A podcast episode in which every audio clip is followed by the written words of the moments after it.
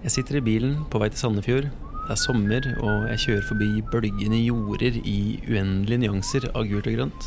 Og det er noe utrolig fredfullt rundt det hele her. Om 200 meter vil du se reisemålet til venstre.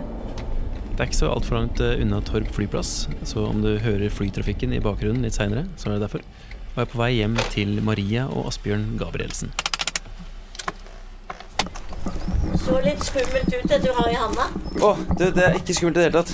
Ja, bare så litt fra avstand, liksom. Ja, det skjønner jeg godt. Det Maria reagerer på her, er lydbetakeren lydopptakeren min, som er festa til et ca. 20 cm langt eh, stativ, så det fungerer som et eh, håndtak. Noe som kan kanskje minne om en slags pistol, hvis du virkelig legger godvilje til. Um, men allerede her da, så blir det tydelig hvor mye Maria sin fortid har prega livet hennes i nyere tid. Og det her går egentlig rett til roten av podkasten, om hvordan fortida former oss til seinere, men også hva vi kan lære av hverandre. For hva er det egentlig som gjør at mennesker blir som de blir? Hvilke hendelser er det som gjør at du blir akkurat deg, som kanskje hodet har glemt, men som kroppen fremdeles husker? Og for Maria sin del så er det nok tanken om at det var mora hennes som anga hele familien sin til nazistene under andre verdenskrig, som førte til at Maria, hennes seks søsken og faren hennes endte opp i konsentrasjonsleirer.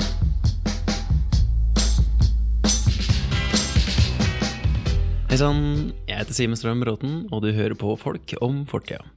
Det er podden hvor eldre folk forteller historier om stort og smått fra livet sine. Og det her er faktisk siste episode av sesong to. Og det er ikke hvem som helst, altså. For Marie Maria har, som hun sier sjøl, blitt litt kjendis på sine senere år. Og eh, for litt siden så dro hun faktisk til London for å fortelle historien sin på Skavlan. Og hun har vært med på utallige turer med Aktiv fredsreiser. Og det er jo de som eh, kjører busser til Polen, vet du. Blant annet for å vise hvordan forholdet var i konsentrasjonsleirene. Og i 2006 så ble det gitt ut en bok hvor hun fortalte historien sin til Oddvar Skjølberg, som heter Angitt av mamma. Og da jeg var på besøk hos Maria, så fikk jeg faktisk en kopi av denne boka her, med signatur og greier, og jeg har brukt den for å fylle ut noen detaljer i denne episoden her og der. Og da jeg kom dit, så satt eh, hun og Asbjørn ute i skyggen, i en sånn huskebenk med et lite tak, der de kan gynge litt mens de hører på radioen og leser avisa. Og fra der vi står, ved siden av garasjen, så kan jeg se en liten del av den svære hagen deres. Og her er det ikke bare snakk om at hagen består av en stor plen, altså, for eh, de har faktisk planter rundt hele eiendommen. Det er planter oppetter veggen, langs gjerdet, rundt garasjen, og virkelig overalt. Det er eh, til og med et eget område hvor de dyrker grønnsaker, og de har et eget eh, drivhus hvor de setter poteter, om jeg husker rett. Men det fineste av alt det her var egentlig å se Maria og Asbjørn gå rundt i hagen sin, og den måten som de en måte sjekker inn med de ulike blomstene. Bare for å se hvordan går det med dem i dag. Og underveis så forteller også Asbjørn meg om hvordan insektene vi ser på der, og plantene, hvordan de er liksom avhengig av hverandre, og hvordan de hjelper hverandre i økosystemet. Da. Så det er veldig tydelig at de legger mye innsats i hagen sin, og at de virkelig koser seg der ute. Men etter hvert så leder Maria veien inn i huset for å gi meg en omvisning av det hjemmet hvor de har bodd i over 50 år. Se her, ja. Her var det trivelig. Ja. Ja. Og så har vi bygd på stua, Oi. kjøkken og Men det er jo Her vi TV-kroken. Ja. Dere har Og så har vi jo deilig terrasse utpå der, da. Så vi bruker langt utpå høsten, da. Nei, guri malla. Vi stopper opp i stua, og sjøl om det er et ganske sånt enkelt hjem, det er ikke moderne og overdådig, eller noe sånt noe, eh, så har det en slags eh, herskapelig stemning rundt seg. For det er sånn planter av mange slags farger, det er mørkt treverk som er behandla på en eller annen måte sånn at det nesten skinner litt når eh, sollyset treffer det. Og det er gulldetaljer på skapdødene, blondeduker i hyllene med vaser opp, og bilder med detaljerte og ornamentale rammer, om man kan si det. Og det er rett og slett et hjem med veldig mye sjel. Jøsses. Gjøker, gjøker, da? Ja, her har vi gjøker. Både ute og inne. Asbjørn har satt seg ned i godstolen, og han hører riktignok ikke så mye fra i denne episoden her. For eh, som han sa sjøl, så er det Maria sin historie, ikke hans. Men i den forrige episoden så kan du høre mer om hans opplevelser og hvordan han ser på verden. Men eh, vi sitter altså rundt et eh, rundt bord med en rosa blondeduk, og det er dekka med sånn servis som du kun ser hos besteforeldrene dine. Så er det sånn hvitt, rosemalt porselen som lager en sånn fin klirrelyd bare du ser på koppen omtrent. Og eh, det er ferdig påsmurte smørbrød med sånn tre ulike pålegg, det er kransekake, og idet Maria setter ned kaffekanna på bordet og setter seg ned i godstolen sin, så gjør jeg de siste forberedelsene på den tekniske fronten. Sånn. Um, ja, for, eh, du, du nevnte jo i stad, Maria, at det, var ikke noe sånn spesielt som eh, du ikke ville snakke om. Nei. Nei. Em, Jeg har ikke noen hemmeligheter. Rett ut alt sammen for, for å bli kvitt det. Faktisk så fortalte Maria meg om at hun hadde gått til en psykolog, og sånn som hun beskriver det sjøl, så var det ei ung og trivelig jente i Sandefjord, og hun var så takknemlig over hvordan hun hadde blitt tatt imot av den psykologen, og vi snakka om nettopp det her, om hvordan den opplevelsen hadde vært for henne. Nei, jeg kunne ikke snakke om ingenting, og da begynte jeg bare å grine. Og så når jeg har vært hos henne, jeg har vært der nesten to år. Og første gang var jeg to ganger i uka, og så minka det, liksom. Og da mm, fikk jeg liksom sagt alt alt jeg ville. Eller alt det som hadde inni meg, som jeg aldri fortalte. Som jeg ikke ville snakke om i, i det hele tatt. For jeg, for jeg kunne ikke snakke liksom ordentlig og redd for alt som er Og jeg var livredd for doktor. På grunn av Jeg fikk sprøyte i leiren. Så jeg var redd for doktoren Det var noe det siste året, da, får jeg si. Var livredd. Torde aldri gå til doktoren min, han, for da tar han meg òg. Sånne tanker hadde jeg da. Veldig redd for doktor. Bare han sa i sprøyte, fikk jeg panikk. Det er ikke så noen år siden jeg var i Tønsberg hos doktoren, og så snakka han om jeg skulle operere noe i halsen. Jeg fikk jo panikk. Jeg var helt, helt gæren. Jeg kunne ikke si vann engang. Jeg skulle hatt noe vann å drikke. Jeg kunne ikke si det. Ja, Så kom jeg da ut, og så spurte han men i all verden hadde jeg gjort for noe med deg, da? Jeg så ut som jeg var helt kokt. Ja. Gjorde ingenting. Jeg fikk rett og slett panikk. Kunne ikke snakke om noen ting. men eh, var det her i, rett, altså i åra rett etter krigen, eller var det Nei, det, det er ikke så mange år siden. Nei. Jeg var redd for doktor. De har sittet så lenge i det, så Men um, det hjalp da jeg gikk hos psykologen, da. Ja. Husker du hva, um, hva hun spurte deg om, eller bare hvordan altså jeg tenker, det å, Du sitter jo inne da med, med mange historier og mange erfaringer som, som du har til det punktet ikke fortalt til noen. Um, eller ikke fortalt til så mange, iallfall. For jeg vet ikke helt Når, når var du der, egentlig? Sånn omtrent? Når de det var det? Ja. I årstall, mener du? ja. Ja. Trenger ikke være presist, men bare ti år, kanskje. Ja, Er det så lenge siden? Ja, Jo, det det, må var være det. lenge siden, for Jo. det var jo Det er nok så lenge siden. Året går så fort. Det var Det går så fort. før nesten Du sier kanskje fem år, så er det dobbelt så mye. Var det ikke før at du begynte å reise, da? Det var før jeg da? begynte, ja. Før jeg begynte med Å reise? reise, ja. Ja. ja da. Ellers hadde jeg ikke kunnet. Men det var jo ille nok da første gangen. Og det var gangen. da. Jeg Begynte å reise i 2000. 2004-2005? Ja. ja. Ja, så eh, da, da var det kanskje 2004, tror jeg. Og før den tida? 2006 kom den boka. Tror jeg. Det står inni der. Nei da. Så var det kanskje rundt eh, ja, på, på 90-tallet eller tidlig 2000? da? Ja, det var kanskje noe sånt, da, men ja, som sagt, året var så fort. Nei, jeg bare begynte å prate litt, og så Så greide jeg ikke mer. Så bare trakk vann og skrek. det var så ille, så da vil du legge deg, da, sier hun. Det var sånn sofa. da. Nei, nei. nei. Jeg bare rista på huet eller nikka. Det er det eneste jeg gjorde. Første gangene. Så ille var det. Jeg, jeg kan ikke forklare det.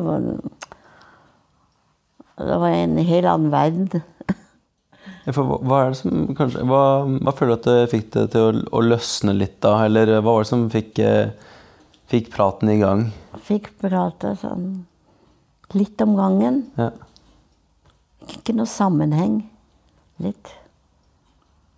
Men hva hun spurte meg, det husker jeg jo ikke det, da. Nei, nei, jeg er mer bare nysgjerrig på at ehm, Hvis det her var på 90-tallet, eller tidlig 2000, da, um, så er det da 55 år etter krigen.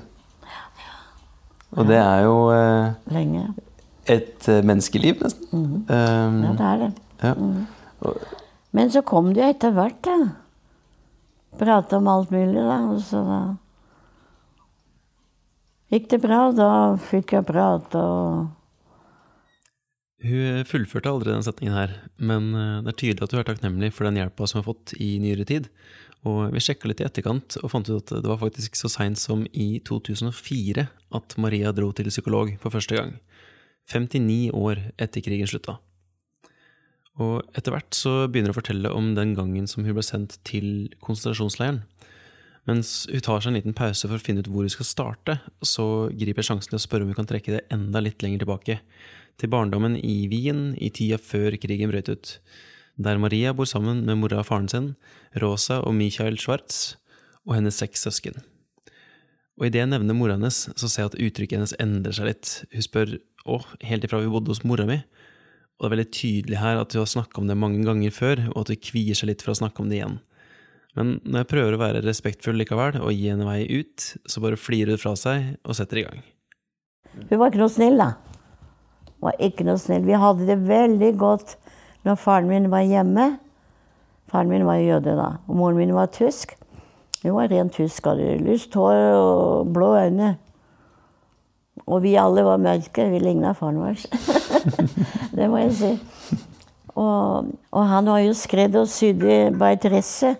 Mørke dresser. I leiligheten. Det var ikke stor leiligheten vi har, men så hadde sånn symaskin som vi måtte tråke. Sånn gammeldags. Og strykjern hadde den. Det var kjempesvært. Tung. Det er som de må fyre opp køl, og så legge køla inn i var sånn død bak. ja, det var litt morsomt, det, da. Jeg var, og jeg var veldig interessert i han gjorde det. Jeg satt bestandig i en krok jeg, og kikka på han. S- sa ingenting, bare satt helt stille. Ja. Kunne sitte timevis i en krok for meg sjøl og, så- og, og se på han. Og, og så husker jeg han sydde med sånne lange sting. Og det er tråklesting. Hvite, både svarte. Så det var jo veldig spennende åssen det kan bli en dress sånn. Mm. Visste jo ikke bedre da. Og, og så sydde han da og sånn og Men det gikk jo ikke lenger da, så begynte krigen, da. Ja, første gang begynte krigen, ja, så var vi også noen unge ut og lekte i var sånn mange leiligheter. Kunne ligne sånn brakkegreier. Og så var en, var en sånn um, rett sånn, um, gang, da. Det blir en stor gang, mange dører den gangen. Og så lekte vi der. Og så plutselig kom det en mann ut da, med en liten baby i handa. Og så skrek han 'Det er krig! Det er krig!' Og vi ungene lurte jo hva krig er for noe. da. Er det her for noe? Han skrek så høyt og kasta den ungen i lufta flere ganger. Og, og så ble det bråk og skrik, og, og så kom de voksne ut og så jaga over sverdet sitt. da. Så sånn hørte jeg første gang at det var krig. Lurte fælt hva det var for noe. da. Men um, For på den tida er vel du Du, du er ikke gamlekroppen der? Hvor, Nei. hvor mange år tror du det er da? Nei, jeg hadde ikke Det var vel en fire-fem år, tenker jeg. Det var nok sånt, ja. Og så alle måtte inn da. Og så ble det dårligere og dårligere. Faren min måtte slutte å sy og, og sånn. Og, og fikk noe jobb. Litt her og litt der, da. For det skulle fø mange. Jeg vet ikke om de større ungene, de, som var større søsken, hva de gjorde for noe. De var ikke hjemme hele dagen i hvert fall. Jeg vet ikke om de hadde noe å gjøre, eller hva de gjorde. Det, det tør jeg ikke si. For de eldre søsknene sa aldri et ord om noen ver verdens ting. Ingenting. Ikke et ord snakka de om. Hvor- hvor- Hvorfor tror du det? Ja, hvorfor? Merkelig. Er Veldig rart.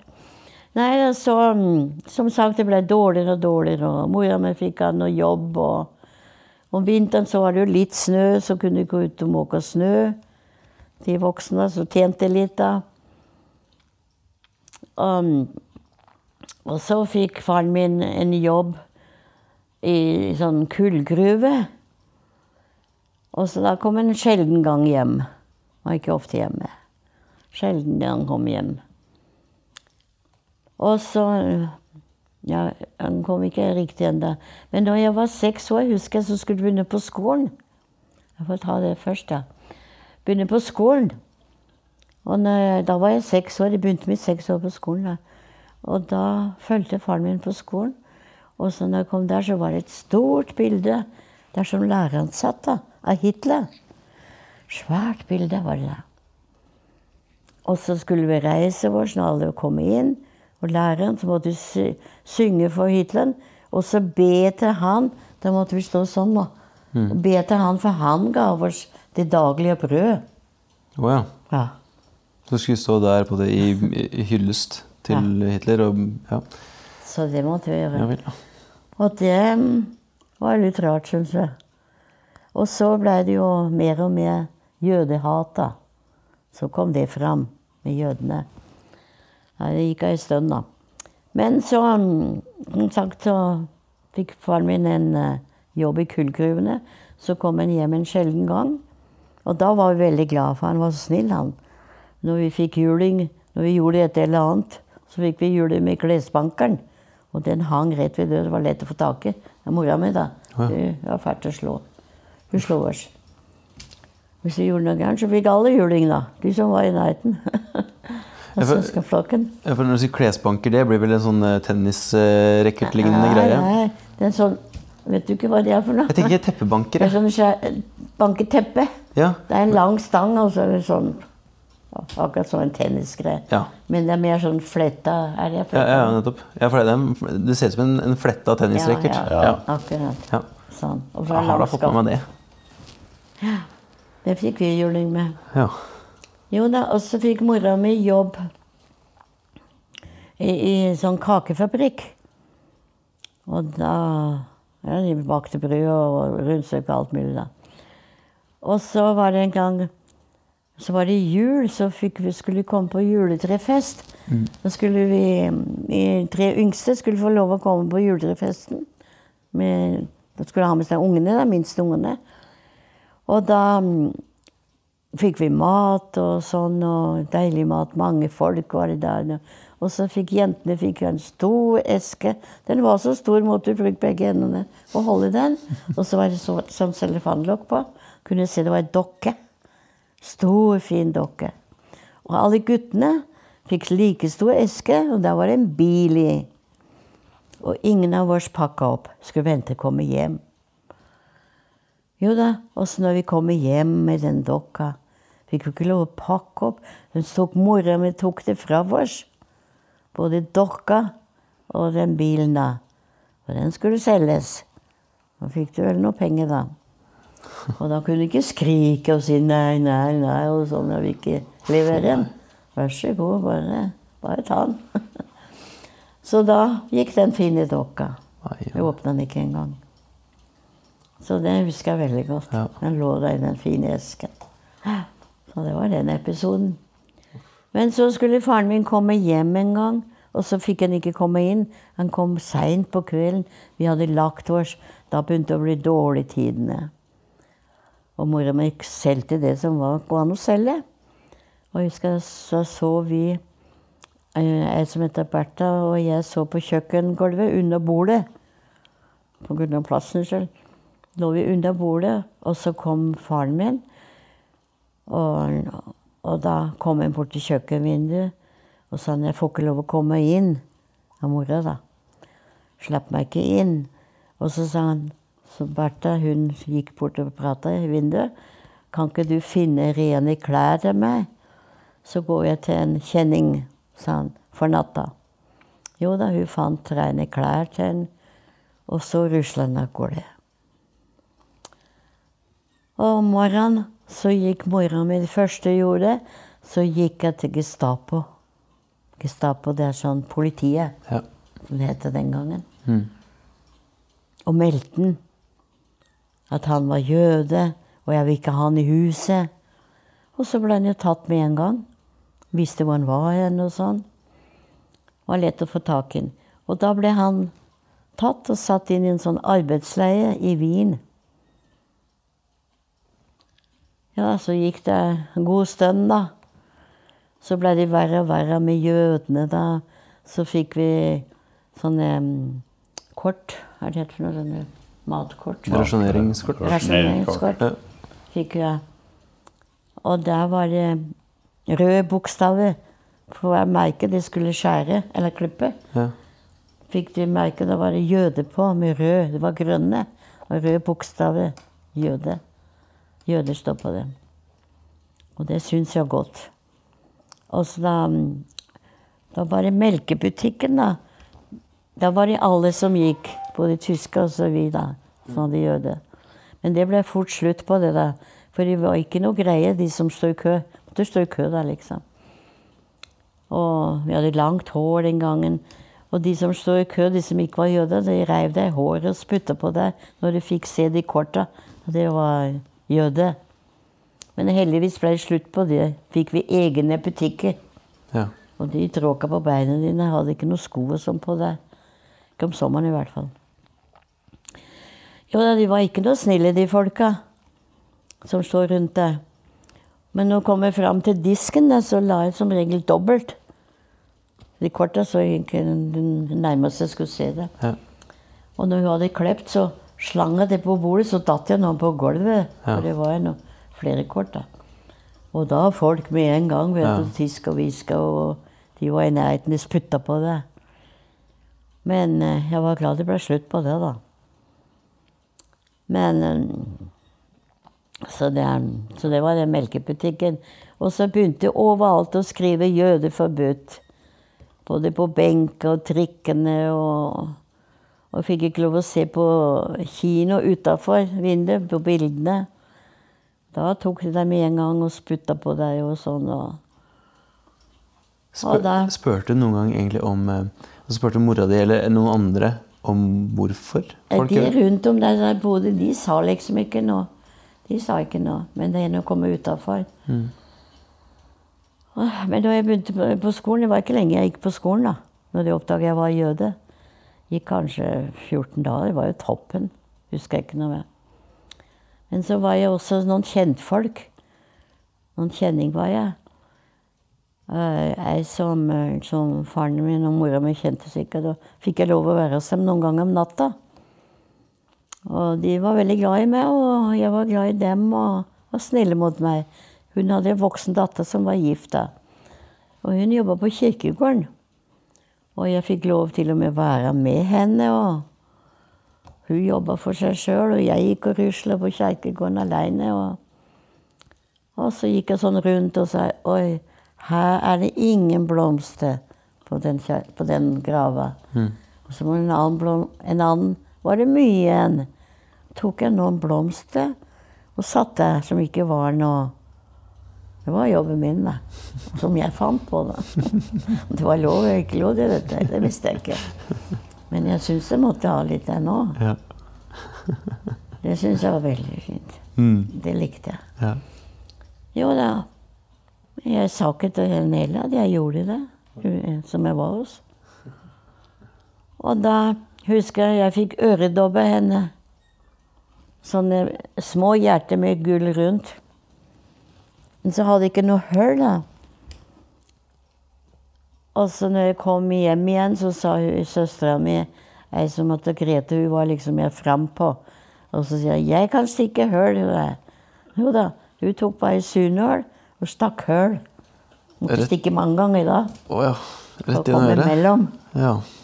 Det gjorde vondt. ja, det kan jeg tenke meg. Ja, måtte bite tennene sammen. Fy. Men hun greide det. Så jeg fikk det. Så hadde lovet meg klokke. Jeg ønsket meg så ei klokke. Men eh, den sa den skulle gjemme oppi håret. Hun derre dama som jeg var hos, da. Hun hadde sånn svært tull i huet. Der skal jeg gjemme klokka mi, så ingen kunne finne den. Men jeg fikk ikke den klokka, for hun ble tatt, hun òg. Ja. Så når hun ble borte, så fikk jeg ikke lov å gå dit noe mer. Men så ble alt verre og verre. Og så fikk jeg også streng beskjed av mora mi. Fikk ikke lov å ta, mat av, ta noe mat av naboen. Det er mange ganger vi lekte med andre. Og så når de skulle spise, så står vi ved døra og så de spiste. Så spurte noen ganger nabodama vil du ha ei brødskive. Måtte bare riste på øyet. Fikk jo ikke lov. Kunne ikke si jeg fikk ikke lov. Jeg bare rista på huet. Hadde veldig løst. Nei, fikk ikke lov. Nei, nei. Men vi gikk i søpla. Der fant vi noe. Der fant vi enten en brødbit eller epleskall. Epleskakk. Eple, Epleskrott? epleskrott. Ja, dere fikk ikke noe av mora deres? Hva? Dere fikk ikke noe av mora deres? Nei, Det er svært lite. Fikk jo litt mat, fikk vi jo. Gjorde jo det. Men jeg fikk ikke lov av mora di. Det er det han spør om. Nei, nei, nei, nei jeg bare lurer på om, Å gå i søppeldunken, jo. Nei, nei, nei, det er jo så sin sak, men Ja, vi eh, fikk jo men mat hjemme, men det var ikke så mye. Ja. Men uh, hele dagen så fløy han jo ut, da. Ja. Blir jo sulten. Absolutt. Og da fant vi en del i søppeldunken, da. Mm. Vi døde ikke av det. Nei, nei. Og så var det en gang mora mi kom hjem med, med en hel pose med, med rundstykker. Da skulle jeg lage noe til middagen. da. Måtte skjære opp det så jeg fikk mye. da. Og så lagde jeg en gjerde, lagde sånne boller da, som kokte i saltvann. Men akkurat når hun skulle begynne å skjære, lagt fra seg kniven, og så ropte jeg en dame, det var sånn lave vindu, kom en dame i vinduet, skulle snakke med meg. så gikk hun ut og prata. Så var hun borte lenge ute. Og så vi var fem stykker der hjemme. Så gikk vi rundt denne posen, hadde så lyst på et rundstykke. Og så sier jo ene søsteren vi tar et rundstykke. Nei, nei, sa vi. Men så tok hun som var modigst, da. Og så tok vi andre òg, når hun tok først. Jo da, når hun kom inn, så hadde hun minka i den posen. Og så tok mora mi den kniven, da. Og så var jeg så sinna at det var minka i posen. Så slanga den kniven på bordet, og den spratt rett i beinet hennes. I beinet? I beinet i låret, tror jeg det var. Og den ble sittende da. Og vi ble forskrekka da. Og sto vel noen i Det er mora di. Ja, mora mi. Ja, ok. For hun kasta den og spratt den i beinet på mora mi. Ja. Så ble jeg vel kjørt på sykehuset. Da, går jeg Og da ble det ikke noe mat den gangen. Hun spiste kanskje opp resten av rundstykket. Husker ikke det, da. Men sånn var det. Så sånne, sånne Ja. Glemmer den ikke så fort. Nei, det kan jeg skjønne. Sånne episoder. Men så var det en dag Så ble vi henta to damer. Fire stykker av oss, av syv. Og da skulle vi i barnehjem. Kom først i barnehjem. Og da var det veldig dårlig med oss. Vi hadde kun, Jenta hadde kun en kjole på oss. Ikke underbukse engang. Ikke sko og noen ting. Og, og da skulle vi kjøre med trikken, da. Egentlig hadde vi ikke lov til det. Men vi fikk lov til det, for de to damene jeg vet ikke hva det var for noe. Det var sikkert fra sosialen eller noe. Og, og da fikk vi ikke lov å sitte på benken. Vi måtte stå ute i gangen, der som folk går ut og inn, i en krok. Og vi var veldig redde vi skulle tråkke på beina våre. Det Folk var fullt på trikken. Og så når vi endelig kom fram til barnehjem, da, så var det en jødisk barnehjem. Og var et stort barnehjem. Og det var det en svær gårdsplass, og så var det et tempel. Og så var det et sykehus, barnesykehus som hørte til det der. Og når vi kom inn da, så var det jo verst for han minste, da, vet du. Han skreik hele tida 'mamma, mamma'. Og til og med når vi kom inn til barnehjem, så fløy han til vinduet og, og, og ropte på mamma. Men de fikk roen ned, da. Da satt vi på snea, vi fire. Satt på en stol. Og så fikk vi hver en leke i fanget. Og, og så etterpå fikk vi mat og ble dusja. Eller vaska, i hvert fall. Jeg vet ikke om de hadde noe dusj den gangen, men ble vaska, da. Eller bada. Jeg tror jeg hadde badekar.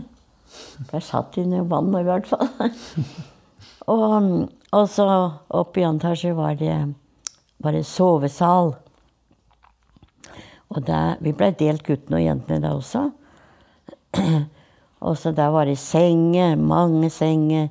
Og det var fint, rent, hvit og pent sengetøy. Og, og så når vi la oss, så fikk vi god mat, og de var snille, de som passet på oss.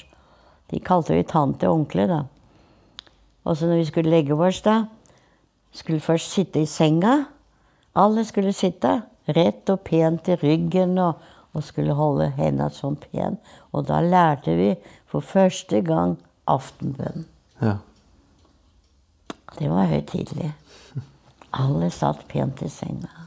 Ja, det var veldig flott å se på. Syns jeg ser det foran meg enda. Satt det. Rett i ryggen måtte du sitte. Kan du, kan du prøve å beskrive det rommet som dere er i da? Eller hva, kan du prøve å beskrive det rommet dere, du ser for deg da? Eller altså, er det, sitter dere alle der eh, ved et bord? Nei, eller? i senga. I senga, ja, i ser. Ja. Så Sengene var sånn i raden. Sånn lange rader. Så det var to, Sovesal. det var to rader. Var en stor sovesal. Det var kun senga der. Så mange senger i samme rom? Ja, da? ja. Mm. Det var to sånne rader igjen bakover. Yes. Jo, da, da var vi i barnehjem. Kom i barnehjemmet, ja. Og der hadde vi det veldig godt. Veldig godt. Og da sa vi onkel, onkel og tante til det.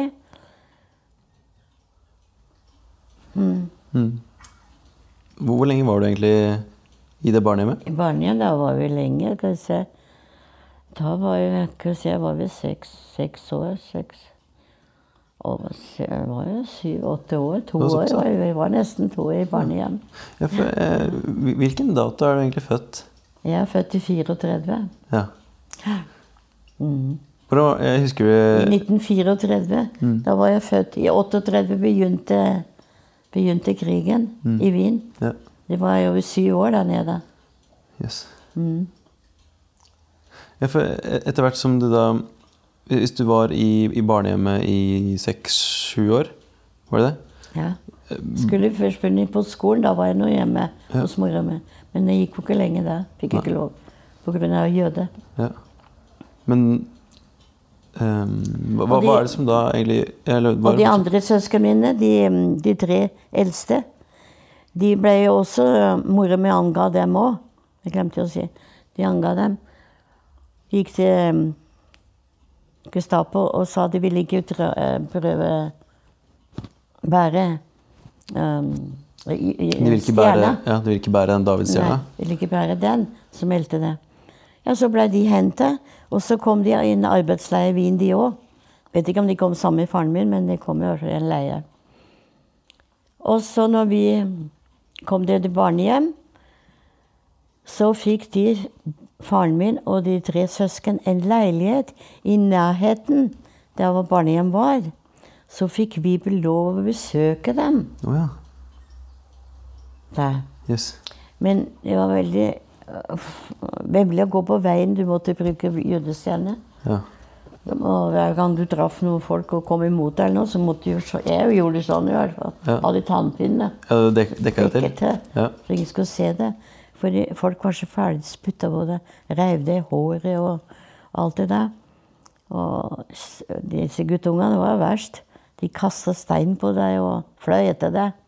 Du sprang ja, du òg, for å komme fort bort hva- med dit, dit du skulle. Men da vi endelig kom opp til faren og de søsknene mine, det var jo veldig stas da. Det var ikke mange ganger dele. Vi fikk lov å gå dit. Og, og så likeså når en skal hjem igjen. Og så kan det gå flyalarm. Gikk det flyalarm. Og så het det seg du må med en gang Alt stoppa da. Trikken og bilene og Alle måtte gå i sånn tilfluktsrom. Kjelleren. Jo da. Og det en gang jeg fløy, skulle fløy barnehjem igjen, tilbake, og så gikk det flyalarm. Og jeg skulle gå sammen i en kjeller som alle andre gikk. Å nei, de dytta meg vekk, for jeg hadde jo stjerne, jeg. For jeg liksom trengte meg inn, jeg òg. Nei, du får ikke lov å komme inn her, du. Og kjefta på meg og spytta på meg. Og da måtte jeg fly fort til barnehjem, da. Og jeg fløy fort, og der venta de på meg, disse tantene, da. Nei, så skulle skulle de gi meg sånn væske med gassmaske og litt proviant for å ha med i kjelleren. da. Hvis det skulle bli noe gærent på huset, da. Av bombe eller noe sånt. Men det gikk da som regel greit. Og så om kvelden når vi skulle ta over, så må denne posen ligge sånn klar, ferdig. Og så klærne skal ligge etter hverandre som du tok på deg. Må ikke ligge hulta til bulta. Ligge pent etter hverandre, så det går fort å kle på seg. Hendte at du Eller var det gjentatte ganger hvor du faktisk måtte kle på deg alt det og ta på deg gassmaska? Ja, nå gikk flyalarmen. Ja. Du rakk det, for den gikk ganske lenge, den. ja. Før flyalarmen gikk. Da måtte du på med alt det der hver gang? Og så måtte du ta med den veska der. Står navnet på. Med sånne store bokstaver. Hver hadde sin veske. Jo da. Men heldigvis gikk det ikke noe, så Og så ble jeg sjuk en gang. Ja, så Alle måtte, kom, eh, måtte hjelpe til i barnehjem. De hadde ikke noe sånn hjelp og sånn. Det var noen voksne som hadde mat og sånn, og byste runde på de barnehjem. Og, og de som var større, måtte jo hjelpe til på kjøkken og gjøre rent og alt. Måtte gjøres sjøl. Jeg var en gang så heldig i år, fikk lov å gå på kjøkken og tørke opp, f.eks. Det var stas. Var heldig moro å gjøre noe. Og så ble jeg syk en gang, fikk utslett, så måtte jeg på det sykehuset. Mellom tempel da og også sykehuset. Jo da, så var en, en dag Og hun eldste søstera mi var jo eldre, nummer fire. Hun var mye på, på, på kjøkkenet. Og var større. Og fikk vi maten fra barnehjem til sykehuset. Middagsmaten fikk vi da. Og kom bestandig søstera mi. Og, og det syntes jeg var moro. Kom to stykker som ringte med maten. Og så var det en dag søster, eh, pleiesøster greide med å gjøre meg fint og spurte ungene skulle jeg få fremmede eller noe. Skulle jeg få besøk, og siden de greide meg og gjorde meg fin. Nei, jeg skulle ikke det. Men så kom middagen, da. Så kom ikke søstera mi med. da. Hvorfor kom ikke Grete heter Mm. Hvorfor kom ikke hun med? Ingen svarte på det. Og så kom Ja, jeg spiste middagen, da. Og så ble jeg henta etterpå av to jenter. Og så sa jeg 'Hvorfor blir jeg henta? Jeg er ikke bra enda. Jeg har jo enda noen prikker'. nei, Edith svarte ikke. Og så kom jeg til barnehjem, opp trappa, skulle opp, det var sustig oppe i andre etasje. Og sto noen jenter over, over det gelenderet og glante på meg og, og sa ingenting. Og jeg lurte før hva det var for noe. da. Og så kom jeg inn på systua, og der satt de to, de to tantene helt stille.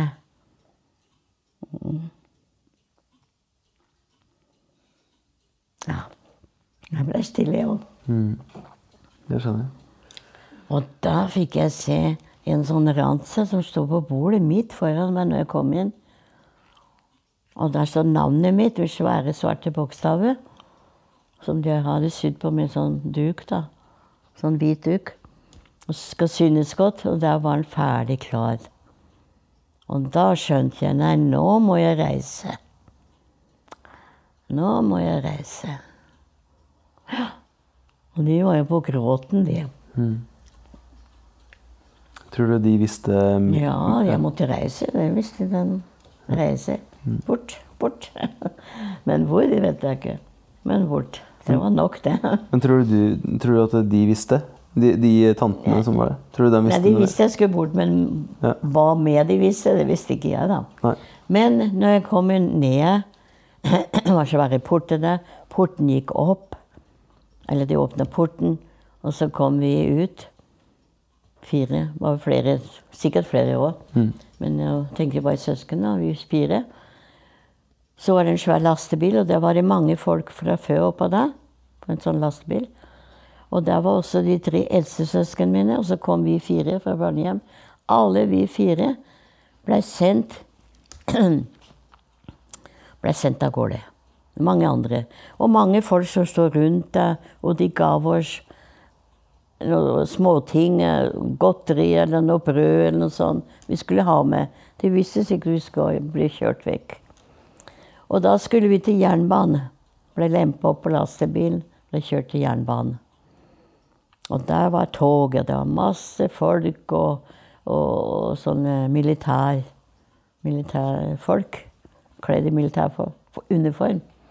Med bikkjer og greier, og masse levende bikkjer. Svære, svære Mm. Og da skulle vi inn til på toget, da. Det var jo riktignok sånne gammeldags toget. Tre benker og sånn. Og vi satt i sammen. Vi satt i sammen, da, vi søsken. Toget ble jo fullt og tok jo lang tid før de kom seg av gårde. Kjørte sakte. Og vi skulle være forsiktige med maten vi fikk med oss. Spare. Vi fikk ikke noe mat underveis. Skulle eventuelt bruke det vi hadde. Men vi var forsiktige med det. Og kjørte, og hver gang de stoppa, så tuta det. Og, og tok det lang tid før vi var framme. Leiren som de var på vei inn i, heter Tresenstadt, i en liten by av samme navn som ligger i Tsjekkia.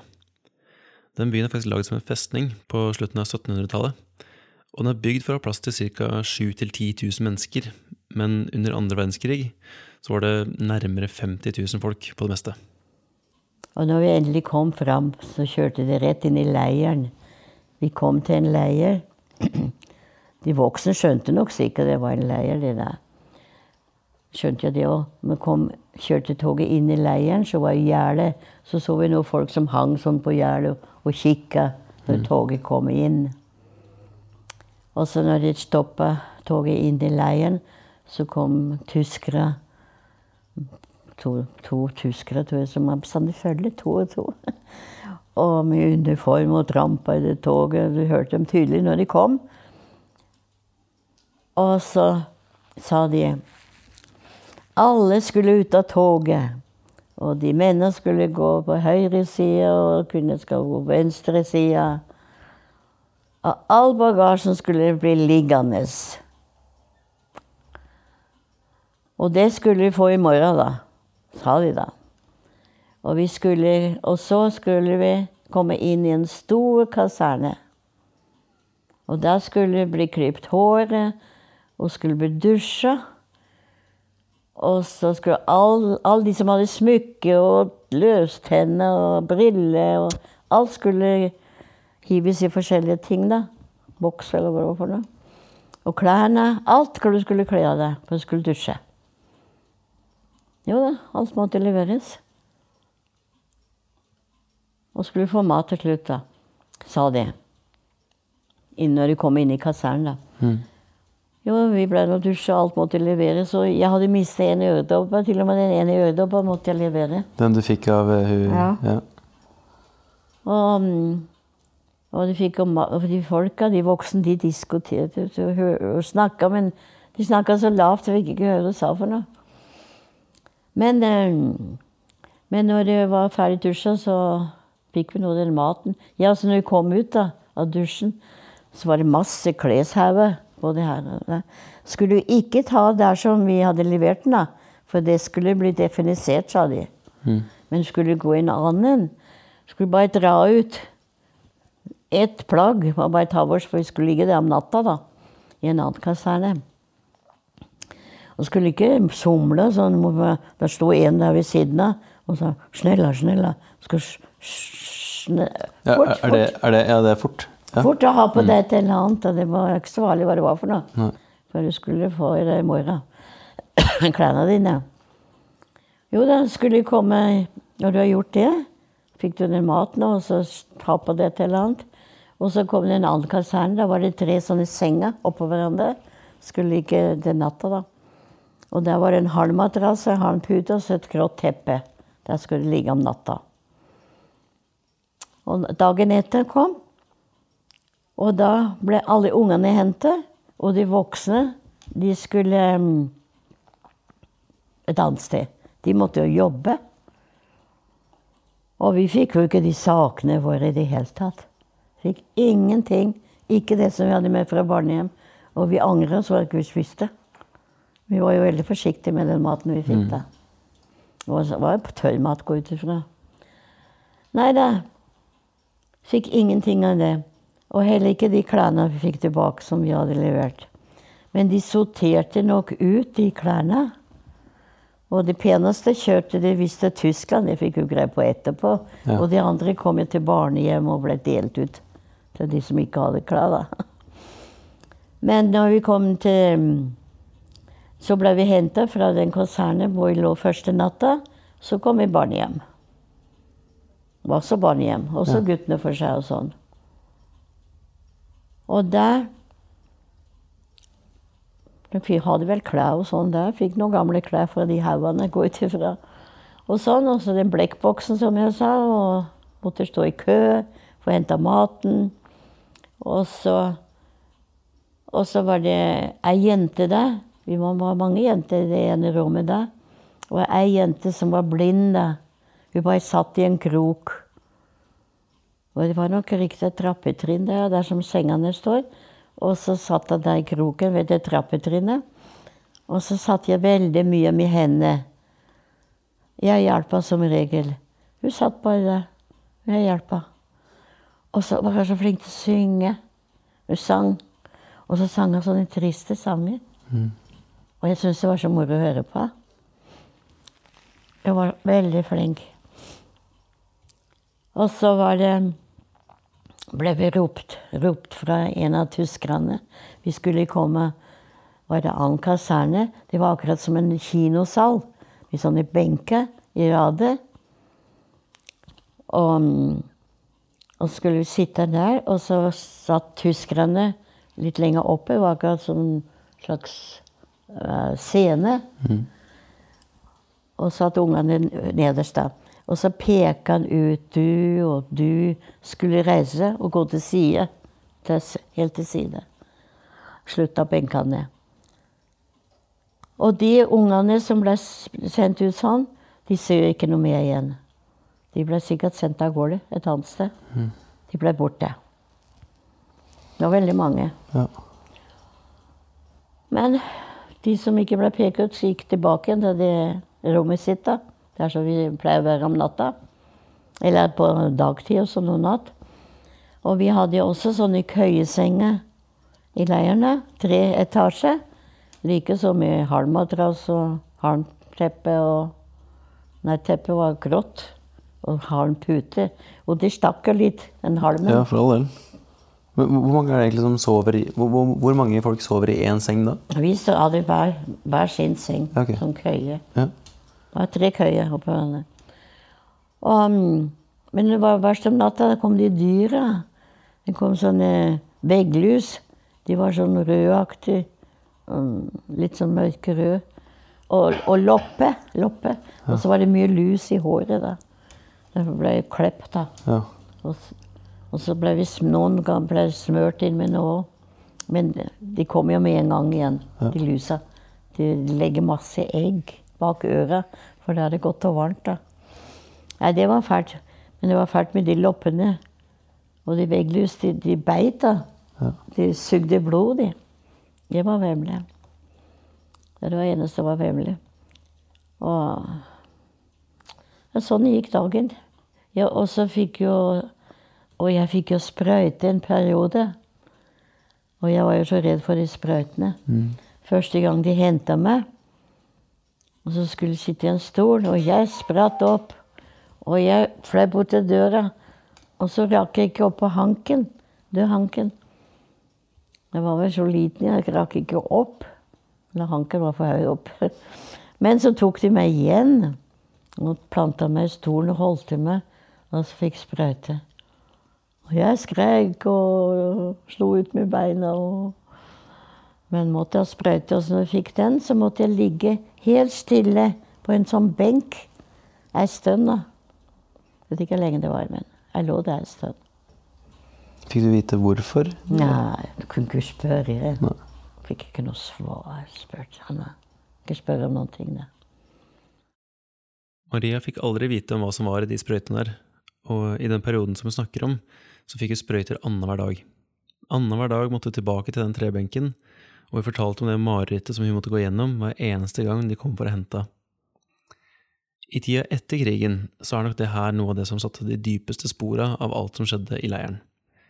Samtidig så var jo det her én spesifikk periode i løpet av de to åra som hun var i leiren totalt sett. Og hun var jo riktignok bare ni år gammel da hun kom dit, så det er jo vanskelig å huske detaljer. Men jeg spurte om hun kunne huske tilbake til hverdagene, ikke det ekstraordinære, men det som er helt vanlig, som skjer igjen og igjen, dag inn og dag ut. For hvordan ser egentlig en alminnelig hverdag ut i en konsentrasjonsleir? Hva gjør du egentlig? Hadde den jobben å stå i kø for å få mat. Og spiste det brød når du hadde lyst. Det lå i noe puta, det. Mm. Du kunne være ute. Så har en viss plass du kan leke på. Og det var liksom ikke så mye å Ja, og du så jo noe. Ja, jeg så, forskjellige ting. Jeg så mange ganger så kom det jernbane, sånn i dyrevogn, da. Det var de kom inn i leiren. De kom akkurat Det var en bekk der. Husker jeg veldig godt da. Og så kom var det i skinnet akkurat ved siden av det. Først skinnet, og så var bekken der. Og da kom folka ut. Det var mest mannfolk.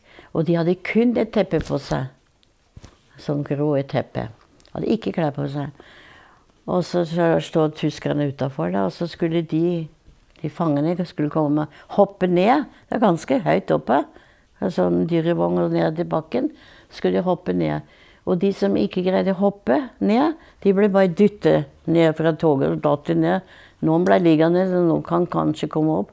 De var så svake. Ja. De hadde en pose i handa, og der var det tørt brød oppi der. De var syke. Det er mange som hadde tyfus. Og det er veldig smittsom, den sykdommen. Og så het det seg når de har hoppa ned den, bek den eh, toget, så skulle de hoppe over den bekken. Fortellinga. De skulle telles. Og da skulle de hoppe på andre sida. Og, da sto tyskerne der og skulle telle. Og de som ikke greide å, å hoppe, de ble bare dytta ned i bekken. Og de drukna jo da. Så ble det jo skyvet bort til krematorium, da. Så sånn var det. Og det så vi. Det kunne vi se tydelig. Og masse syke folk. Og en haug lå mange ganger utafor det, det, den toget, da. De kunne ikke gå eller stå opp igjen, og de var så svake. Det så vi mye av. Men eh, Snakker dere om det dere ser mellom hverandre? Ja, kunne se det. Jeg, jeg bare lurer på, Hvis du da Vi er bodde jo i nærheten der som togene kom. Kunne du se ut av vinduet at de kom ned. Ja, når, du er, når du ser noe sånt, nå, når du, når du er vitne til noe så umenneskelig eh, Men eh, ikke, ikke at du diskuterer det, men, men snakker du om det med noen av de andre som du er der i, den, i det rommet med, i den kaserna? Nei, hun gjorde ikke det. Fordi jeg tenker at det, det, er, det er ikke noe man har opplevd før. Så jeg kan se, bare se for meg at når man er i den alderen, så kanskje man har det behov for å eh, forstå sammen med andre. Snakker ikke i det hele tatt. Det ser ut som de blir apatiske. Ja. Og så så vi jo De kom i sånne kjerrer, vet du. Sånn, bare sånn plate med to hjul, og så gikk en foran. Og så en bak som sjau, da. Og henta lik. Det var døde folk nesten overalt, da, som de lessa opp. Var helt nakne. Det var skinn og bein. Ble slengt opp av denne tralla, da. Så når den var ikke noe mer fikk på, så gikk det bort til krematorium, da. Og det var litt, I førstninga var det litt vemmelig å se de der ligger sånn helt stive. Mm. helt stive. Bare skinn og bein. Ja. Så det var jo fælt å se. Men du venner deg til det òg. Skal du gjøre. Ja, det er sprøtt Du hva får man det ikke til. levende, sier han. Det er fælt å se på som sammen, så blir du vant til det òg. Ja. Har vi aldri sett det før. Nei. Da ovnene i krematoriet gikk for fullt, så ble ungene også satt i jobb. For du skjønner at all den asken fra krematoriet, det siste som var igjen av tapte menneskeliv, det måtte fraktes videre. Så da ble det først skuffa opp i esker, og så måtte barna stå på rekke, en lang rekke, så at de kunne sende esker seg imellom, fra én person til den neste, hele veien fra krematoriet og fram til en lastebil. Der ble eskene stabla i høyden og frakta videre til et lager hvor det ble oppbevart. I den boka som ble utgitt i 2006, så nevnte Maria at hun kunne fremdeles huske den helt egne søtlige lukta fra krematoriet og den grågule røyken som la seg over leiren. Det, det, det er bare så eh, sprøtt å, Eller eh, sprøtt blir ikke riktig ord, men bare å, å oppleve noe sånt noe, i, spesielt i den alderen hvor det, Jeg husker veldig lite eh, fra jeg var åtte-ni, men jeg kan bare se for at noen ting setter en, et tydelig merke da, på, Ja. på sjela. Liksom. ja, nå kanskje jeg er voksen og Ja, ja. før. Så. Ja. Nei, det er veldig rart åssen det er. Det er godt det er sånn, kanskje. ja, for all del. For all del. For eh, mm, hvor, hvor lenge var du der, egentlig? I Theresienstadt? Det var det nesten to år, ja. Eh, Så tok det lang tid før vi reiste hjem igjen. da. Det er russere som kom og fri- befridde oss. ja, russerne? ja. Russere kom. Jeg husker de skøyt. De skøyt flere dager. Og så, Vi ungene fikk ikke høre så mye, men vi lytta jo. Folk, De snakka, eh, de, voksne. Spurte å lytte hva de sier for noe sånt. Og, og sa ja, nå er snart krigen slutt. Og, og så tok de de boksene sine, og så lagde sikt og hammer av de. Av boksene? Ja. Ja. ja de, de matboksene på det? Eller de Ja, Det er russisk tegn, det. Ja, ja.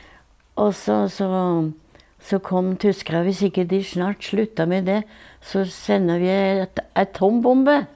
Jeg hørte det var atombombe. Hvis, vi, hvis ikke de slutta med det. Og så var det mange Toget kjørte rett inn i leiren. Mange tyskere rømte. De skjønte krigen var snart slutt. Gå ut ifra det. Det kommer liksom etterpå. Tenkte ikke med det samme. Og um, de rømte. Og det er mange som ikke greide å rømme av tyskerne. Og um, også når russerne kom inn, de kom jo 8. mai klokka to om natta. Og da så vi ut av vinduet. Vi ungene fikk ikke lov å gå ut. Hadde blitt tråka i hjel. For de kom i tanks og svære lastebiler og ble veldig bråk av det. Og de kasta ned mat og sigaretter og sånn. Og, og de folka, jødene, de var helt ville, vet du. Storma mot dem. Og, og vi ungene fikk ikke lov å gå ut før, så hadde vi blitt tråka i hjel. Ja. Men de kom dagen etter. De hadde brutt opp disse mm, proviantrommene til tyskerne. De hadde jo, de hadde jo bra med mat og allting. Så de kom dagen etter med svær kasse, forskjellige ting med mat og sånn, russerne. Og, og det heta seg da Ja, også vi søsken kom vi sammen. Vi traff hverandre igjen, alle sammen.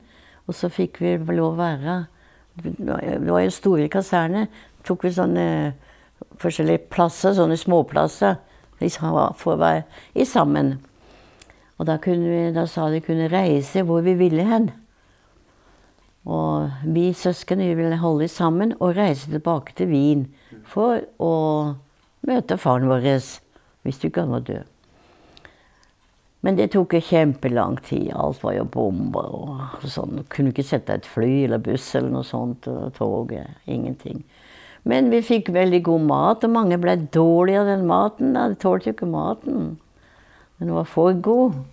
Ja, for man, altså, det- dere var vel, det var vel mange av de fangene der da som ikke var vant til bare vanlig, vanlig kosthold. Så ja, det var gjerne derfor man reagerte, var det ikke det? Ja. Kroppen var ikke vant til det. Tålte ikke maten. Var for kraftig. Men, men på, på den tida da, du sier at du dro dit, eller at du fikk møtt uh, søsknene dine igjen. Men du, du har jo seks søsken. Syv var vi. Ja, ja, ja. Eh, var, var det alle dere sju da som fikk som Alle fikk vi lov å være i en krok, da. Ja. Hadde jeg også vært på senga. Sånne køyesenger lå de. Fikk, eh, møtte dere egentlig hverandre da i løpet av de to åra? Nei, nei, så ikke hverandre. Så du fikk ikke noe sånn informasjon om dem, eller hørte du? Nei, ingenting. Men når det da Det, Det eneste broren min, han ble sendt i ja, en annen leie, men han kom tilbake igjen. Mm, før krigen var slutt. Kom han tilbake igjen. Og de skulle jo- sikkert på en annen arbeidsplass, eller hva det var for noe. Skulle jobbe. Hva skal vi si, Asbjørn? Det var jo bare tilfeldigheter. Når du sitter, sitter i et rom, og det sitter tyskerne oppe og peker at du og du skal ut. Ja. Da er det jo tilfeldigheter hvem som, som slapp Det har vært mange å gå i gasskammeret. Ja. Det var jo det. De andre som de peka ut, de måtte jo gå i gasskammer. Faktisk helt fram til russerne kom inn i leiren med tanksene sine, så var det ett spørsmål som hang i lufta. Kommer nazistene til å drepe oss før russerne kommer, for å fjerne bevis om hva som har skjedd? Og det var akkurat det som var ordren til han som styrte leiren på det tidspunktet. Carl Ramm het han. Han hadde fått direkte ordre fra Berlin om å gjøre nettopp det, men overga hele leiren til Røde Kors den 3. mai. Først to måneder seinere, i juli 1945, fikk Maria og hennes seks søsken lov til å dra hjem til Østerrike og til Wien. Men hva betyr det egentlig å dra hjem når alt du kjenner til er krig? For krigen kommer tidlig til Østerrike, og når Maria da sitter på toget på vei vekk fra konsentrasjonsleiren, så har hun nesten ikke opplevd noe annet enn krig i hennes elleve år lange liv. Det er alt du kjenner til. Så når de da drar hjem til Wien etter sju år med krig, så må de lære seg å leve på nytt. De hadde ikke mer enn de klærne de hadde på kroppen, og ikke noe sted å bo. Og jeg spurte om hun kunne beskrive det synet som hun ble møtt med da hun kom tilbake til hjembyen sin. Ja, da var det bomba. Alt var bomba, til og med det barnehjem. Og vi hadde jo ikke noe sted å være. Så vi kom jo til barnehjem, da. Det var bomba. Men eh, vi kunne ligge der. Vi fikk mat der, og så sov vi der. Alle, både voksne og barn. Det var akkurat som hva heter det? Flyktning, da, for å si. Flyktningssted. Så fikk vi det. Og også når vi kom eh, første dagen til Wien, da, så ble jo tatt bilde og skrevet i avisa. Så, eh, Svært bilde. Jeg, jeg så det ikke, men jeg fortalte det da, søstera mi. Det fortalte dem. for meg. Og så var det ikke vann i barnehjem, for det var jo ødelagt. Og så gikk de to minste, skulle gå og hente et spann med vann, da. Rett ved siden av det barnehjemmet, da. I et hus. Det var kinoen, da. Det var kinoen på hjørnet, da. Og så mm, sto det i avisa da at syv barn overlevde leiren og alt det der, liksom. Og det sto i avisa. Og så når de skulle gå etter vann, da, de to, for de skulle ha til middag drikkevann. Og så satte de seg på den trappa borte ved kinoen der. Og så gikk hele tida ei sånn dame forbi der, att og fram foran dem, da. Kanskje sikkert et stykke unna, siden de sa Så hun gikk sånn rundt, så sa han broren min, han minste, er ikke det din mamma? Og så peker han sånn. Sånn fortalte de. Og hun hørte vel Hun gikk og leita, tror jeg. Jeg tror hun var i nærheten. Visste ikke riktig. Det sto jo i avisa. Derfor gikk hun da. Mora. Ja, var, Og så gikk jeg bort til dem og spurte hva de het for noe. Og de, hvor de bodde hen. Og, og så sa han vil de ikke komme til meg. Nå har jeg spart mye mat og mye klær til dere. Men hva de svarte, det vet jeg ikke. Det, sa de ikke i den farta da. Men hun tok nå spannet og gikk bort til de barnehjemmet, de to. Og så akkurat da jeg skulle ned trappa og spise, da, kom jeg halvveis i trappa. Så kom de to med hun dama der. Jeg kjente jeg ikke igjen. jeg. Kjente jeg ikke igjen mora mi. Og så ble jeg stoppende midt i trappa, og så kikket jeg øynene på henne. Og, og de var blå, og de stakk. Og så plutselig søstera mi Kjenner du ikke igjen? Det er det mamma, sa hun. Oi. Jeg fikk jo sjokk. Jeg ble så redd. Akkurat skulle være styggen som skulle ta meg. og jeg fløy ned trappa, både to og tre om slengen. For da var jeg flink å fly i trappa fort. Og gikk i tempelet og gjemte meg. For det var bombe og mange fine gjemmesteder der. Og kom ikke fram før det var mørkt. Jeg var så redd at jeg måtte være med henne. Ja. Der skulle de ikke finne meg. jo da. Og så fortalte søstera mi, da, hun eldste, og sa og jeg hadde snakket med mora, og så ville jeg ha de tre minste. De tre minste som kom til Norge. da. Men det får du ikke, sa hun. Så gikk jeg til bestyrerinna og meldte det. Og sa hun ville ha de tre minste, men det får jeg ikke, sa Og gikk og meldte til politiet, og da ble hun tatt. Og da fikk hun fem års straffarbeid ja. etter seg. Mora di, altså? Ja. Mm. Fem år bare. Ja. Det gjorde jeg. Flere år etter at mora til Maria hadde sona tida si i fengsel, så prøvde hun faktisk å få krigsskadeerstatning fordi hun hadde mista mannen sin i Auschwitz, men ble avvist med begrunnelsen om at hun sjøl hadde vært medvirkende til at han døde. Verken Maria eller søsknene hennes hadde noe kontakt med mora deres etter at hun ble dømt i 1947, og i 1978 så døde hun, 83 år gammel. I tida etter krigen så blei de sju søsknene spredt rundt omkring.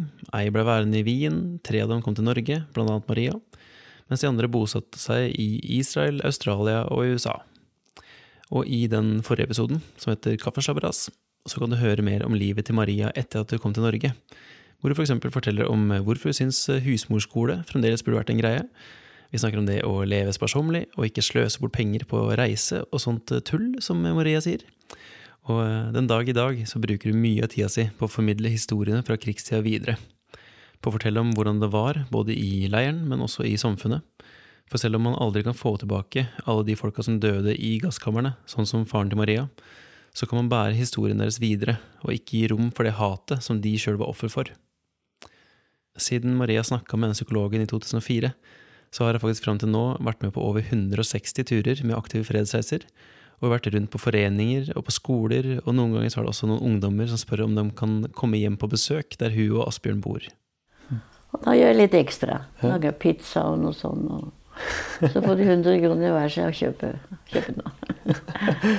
Men, eh, For de, de er så flinke å lytte. ja. Og de er så interessert. Og Du skal se mange ganger de, de fine meldingene jeg har fått. Og de lager forskjellige ting. Jeg får en dag i dag fra skolen til jul som blomsteroppsats og sånn. Helt overraska. Så de makeløse. Så det er mye flink ungdom, og jeg skryter av det. Når jeg omtrent jeg snakker med et par hundre i den svære salen vi har der nede. Og du kan slippe ned knappen og kan høre det. Så stille er det. Helt utrolig. Jeg skulle bare være med på sånn tur og se. Så snill. Og jeg skryter av ungdom. Norge har mange fine ungdom, men du hører ikke av dem. Du hører bare de som gjør ugagn. Ikke Ja. sant? Ja. Men eh, hvorfor tror du egentlig at ehm, den Eller hva, hva tror du er tilrettelegger Eller hvorfor tror du stemninga blir sånn, egentlig? For ungdommer er jo eh, La oss bare ærlig, være ærlige at eh, no, ungdommer er jo notoriske til å være ganske eh, viltre av seg. Det er jo en, en gjeng med folk som gjerne gjør ting de ikke skal, og bråker når de ikke skal. Eh, og som har sin egen agenda. Eh, men når du kommer her, når du snakker om opplevelsene dine, hvor, hvorfor tror du egentlig det blir helt stille, at du har oppmerksomheten? Jeg vet ikke. Jeg har på følelsen de synes veldig synd på meg.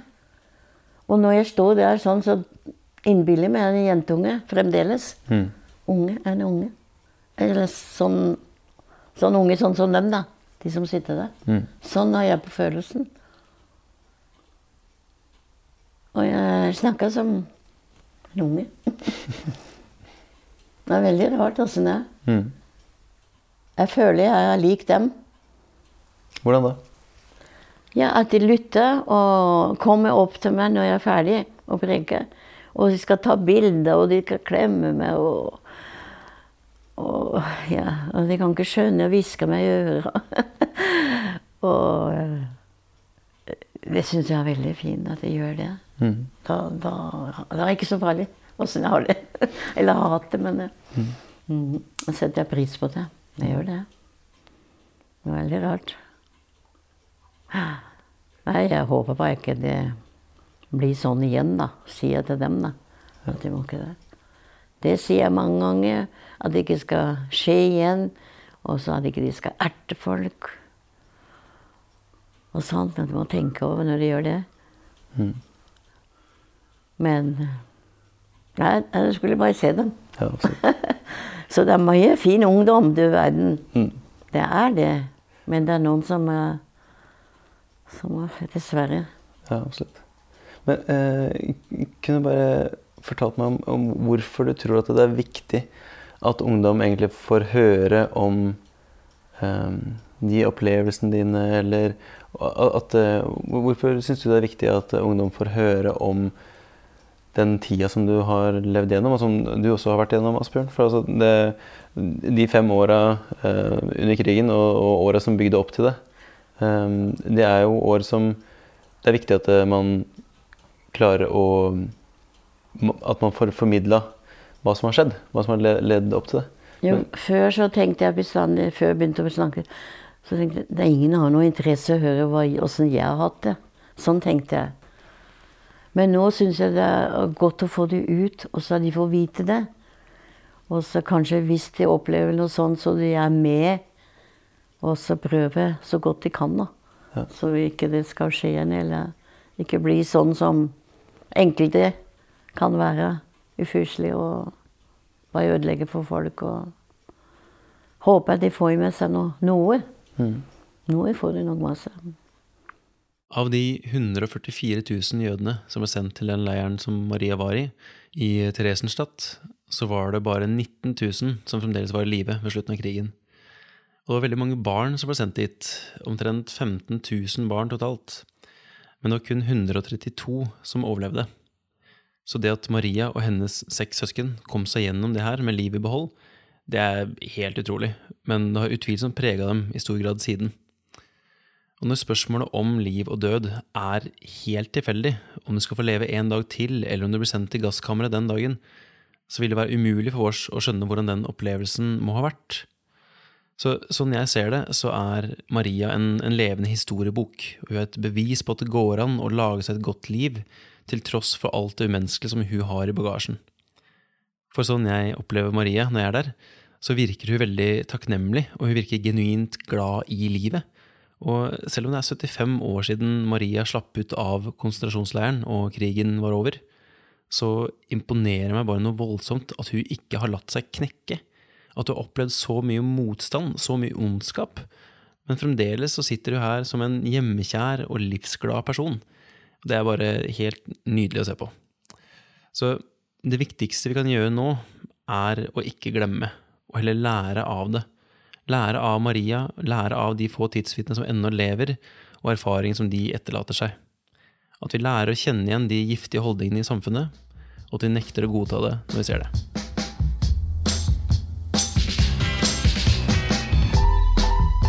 Folk om fortida er en podkast fra Hyggelaget, laga av meg, Simen Strøm Bråten. Nå er vi altså ferdige for denne gang, men jeg har allerede begynt å forberede sesong tre, så hvis du følger Folk om fortida på Instagram, så skal jeg si fra når det nærmer seg der. Men det blir nok utpå høsten en gang. Hvis du vil gjøre meg en tjeneste i mellomtida, så hadde jeg satt veldig pris på om du har tipsa en venn som du tror kan sette pris på de samtalene her. Enn så lenge vil jeg bare si tusen takk for at du hører på, og så håper jeg du får en flott dag videre.